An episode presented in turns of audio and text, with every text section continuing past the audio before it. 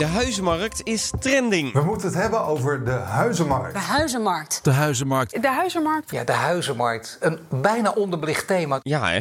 Daarom leg ik binnen 7 minuten uit wat het perfecte moment is om een huis te kopen. En niet alleen voor starters, ook als je al een huis hebt. Ik ben Kees Dorrestein en dit is Nieuwe Helder. De signalen worden steeds sterker dat volgend jaar voor het eerst de huizenprijzen gaan zakken. De komende 10 jaar moeten er 845.000 nieuwe huizen worden gebouwd. Dus in die periode was het gunstig, als je tenminste zo uitgekiend bent, om een huis te kopen. Helder. Er lijken drie zekerheden in het leven. Je gaat dood, je betaalt belasting en Die huizenmarkt die gaat als een dolle. dus een voorspelling over de markt is best handig. Peter van Zadelhof van RTL Z kwam twee jaar geleden met een keiharde. Wat zijn de huizenprijzen nou in 2038? Kijk, het eerlijke antwoord is, weet ik veel. Ja, potverdikkie. Wat we wel weten is dat de gemiddelde huizenprijs op recordhoogte staat. 335.000 euro. En dat onze portemonnee nog dieper is dan de tas van Mary Poppins. In meer dan de helft van de gevallen werd er meer geboden dan de vraagprijs. En door de grote vraag hebben we nog steeds veel woningzoekers. Hoorde ook Telegraaf TV. Ik heb een vriend die eh, woont nog bij zijn moeder. Dus eh, noodgedwongen, want ik woonde met hem samen. En eh, toen ging ik eh, met mijn vriendin samenwonen. Ja, wacht even vriend. Dit is geen noodsituatie. Je hebt gewoon gezegd: luister maat, ik ga hokken met mijn vriendin, je moet eruit. Maar voor mensen met dit soort vrienden heb ik hoogleraar woningmarkt Peter Boelhouwer ingeschakeld. Hij vertelt dat wachten op een grote woningmarktdip niet veel zin heeft voor kopers. Als je kijkt naar het verleden, hebben we eigenlijk maar één hele grote crisis gehad. Dat was in 1978. Toen zijn de prijzen met 30, 40 procent gedaald. Toen stond de rente op 12, 13 procent. Toen was er een werkloosheid van boven de 10 procent. Ja, dat was echt een eh, hele slechte economische situatie. En we hebben nog een crisis gehad, de recente, in 2011. Toen zijn de prijzen van ja, ongeveer met 15, 16 procent nog extra gedaald.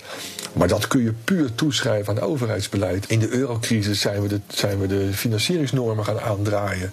Ja, dat, dat, dat leidt tot prijsdaling. Dat betekent grote vraaguitval. De woningprijs is namelijk, met uitzondering van twee stevige dippen van 6 à 7 jaar, alleen maar gestegen tussen 1970 en nu. Daarom is het verstandig voor kopers om op een paar aspecten te letten die de prijs bepalen. Punt 1. Hoe krapper de markt, hoe duurder de huizen. De woningmarkt is krapper dan ooit. De komende 10 jaar moeten er 845.000 nieuwe huizen worden gebouwd. Dat staat in een rapport van het ministerie van Binnenlandse Zaken. En Peter verwacht niet dat we die benodigde aantallen gaan halen. Je ziet dat het op allerlei plekken stagneert. Dan heb ik het niet eens over stikstof of PFAS, dat komt er ook nog eens bij. Dat we die aantallen woningen de komende 10 jaar gaan realiseren, dat lijkt me vrijwel onmogelijk. Punt 2. Lage rente stuwt de prijzen. En die rente is sinds de jaren 80 alleen maar gedaald. En deskundigen verwachten dat ondanks dat die rente misschien weer iets kan stijgen, hij wel stabiel laag blijft. Als derde, de overheidsnormen. Hoeveel je mag lenen en hoe hoog die hypotheek mag zijn. Het laatste is inmiddels op 100 procent. De verwachting is dat dat wel gelijk blijft. Alhoewel ja, de Nederlandse bank, met name Klaas Knot, die wil dat graag naar een lager niveau hebben, naar 80 of 90. Wordt dat ingevoerd, ja, dan kun je ook prijsdalingen verwachten. En als vierde, een slecht consumentenvertrouwen kan de prijs drukken. Maar dat zijn korte termijn effecten.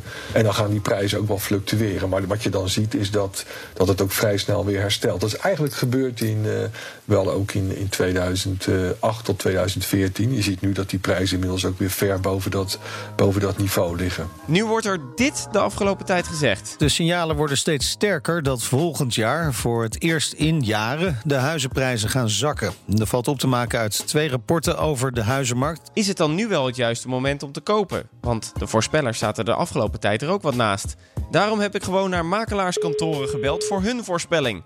In Amsterdam. Met Sharon.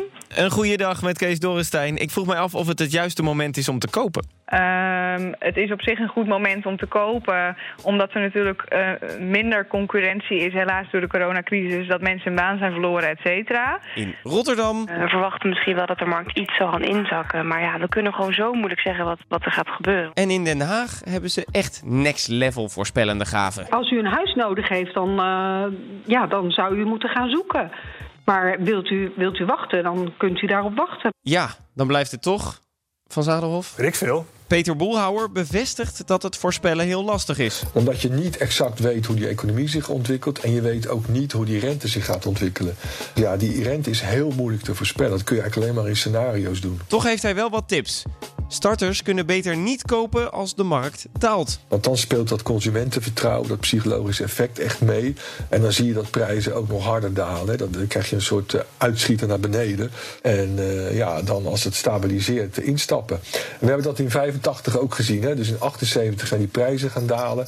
En die zijn toen in 85 gestabiliseerd. En die zijn toen twee jaar lang ongeveer gelijk gebleven. En daarna zijn ze echt weer geëxplodeerd.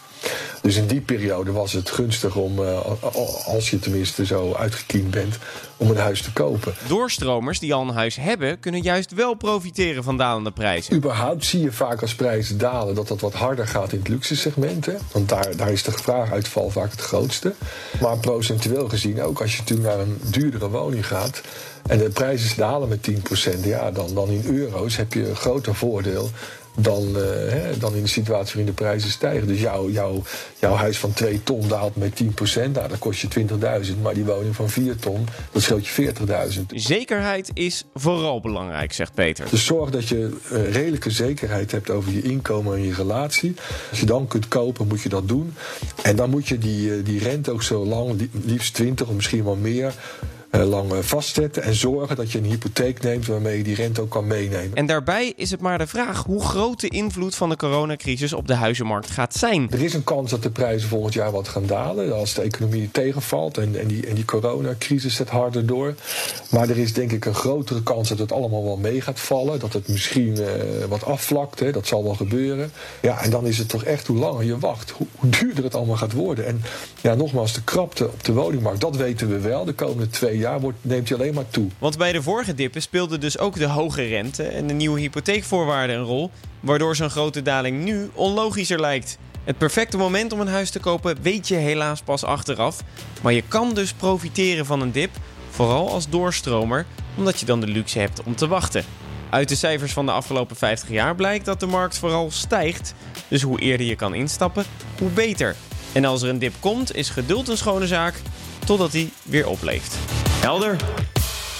Tot zover deze aflevering. Vond je de podcast interessant? Abonneer je er dan vooral op. En ik waardeer het als je 5 sterren geeft op Apple Podcast.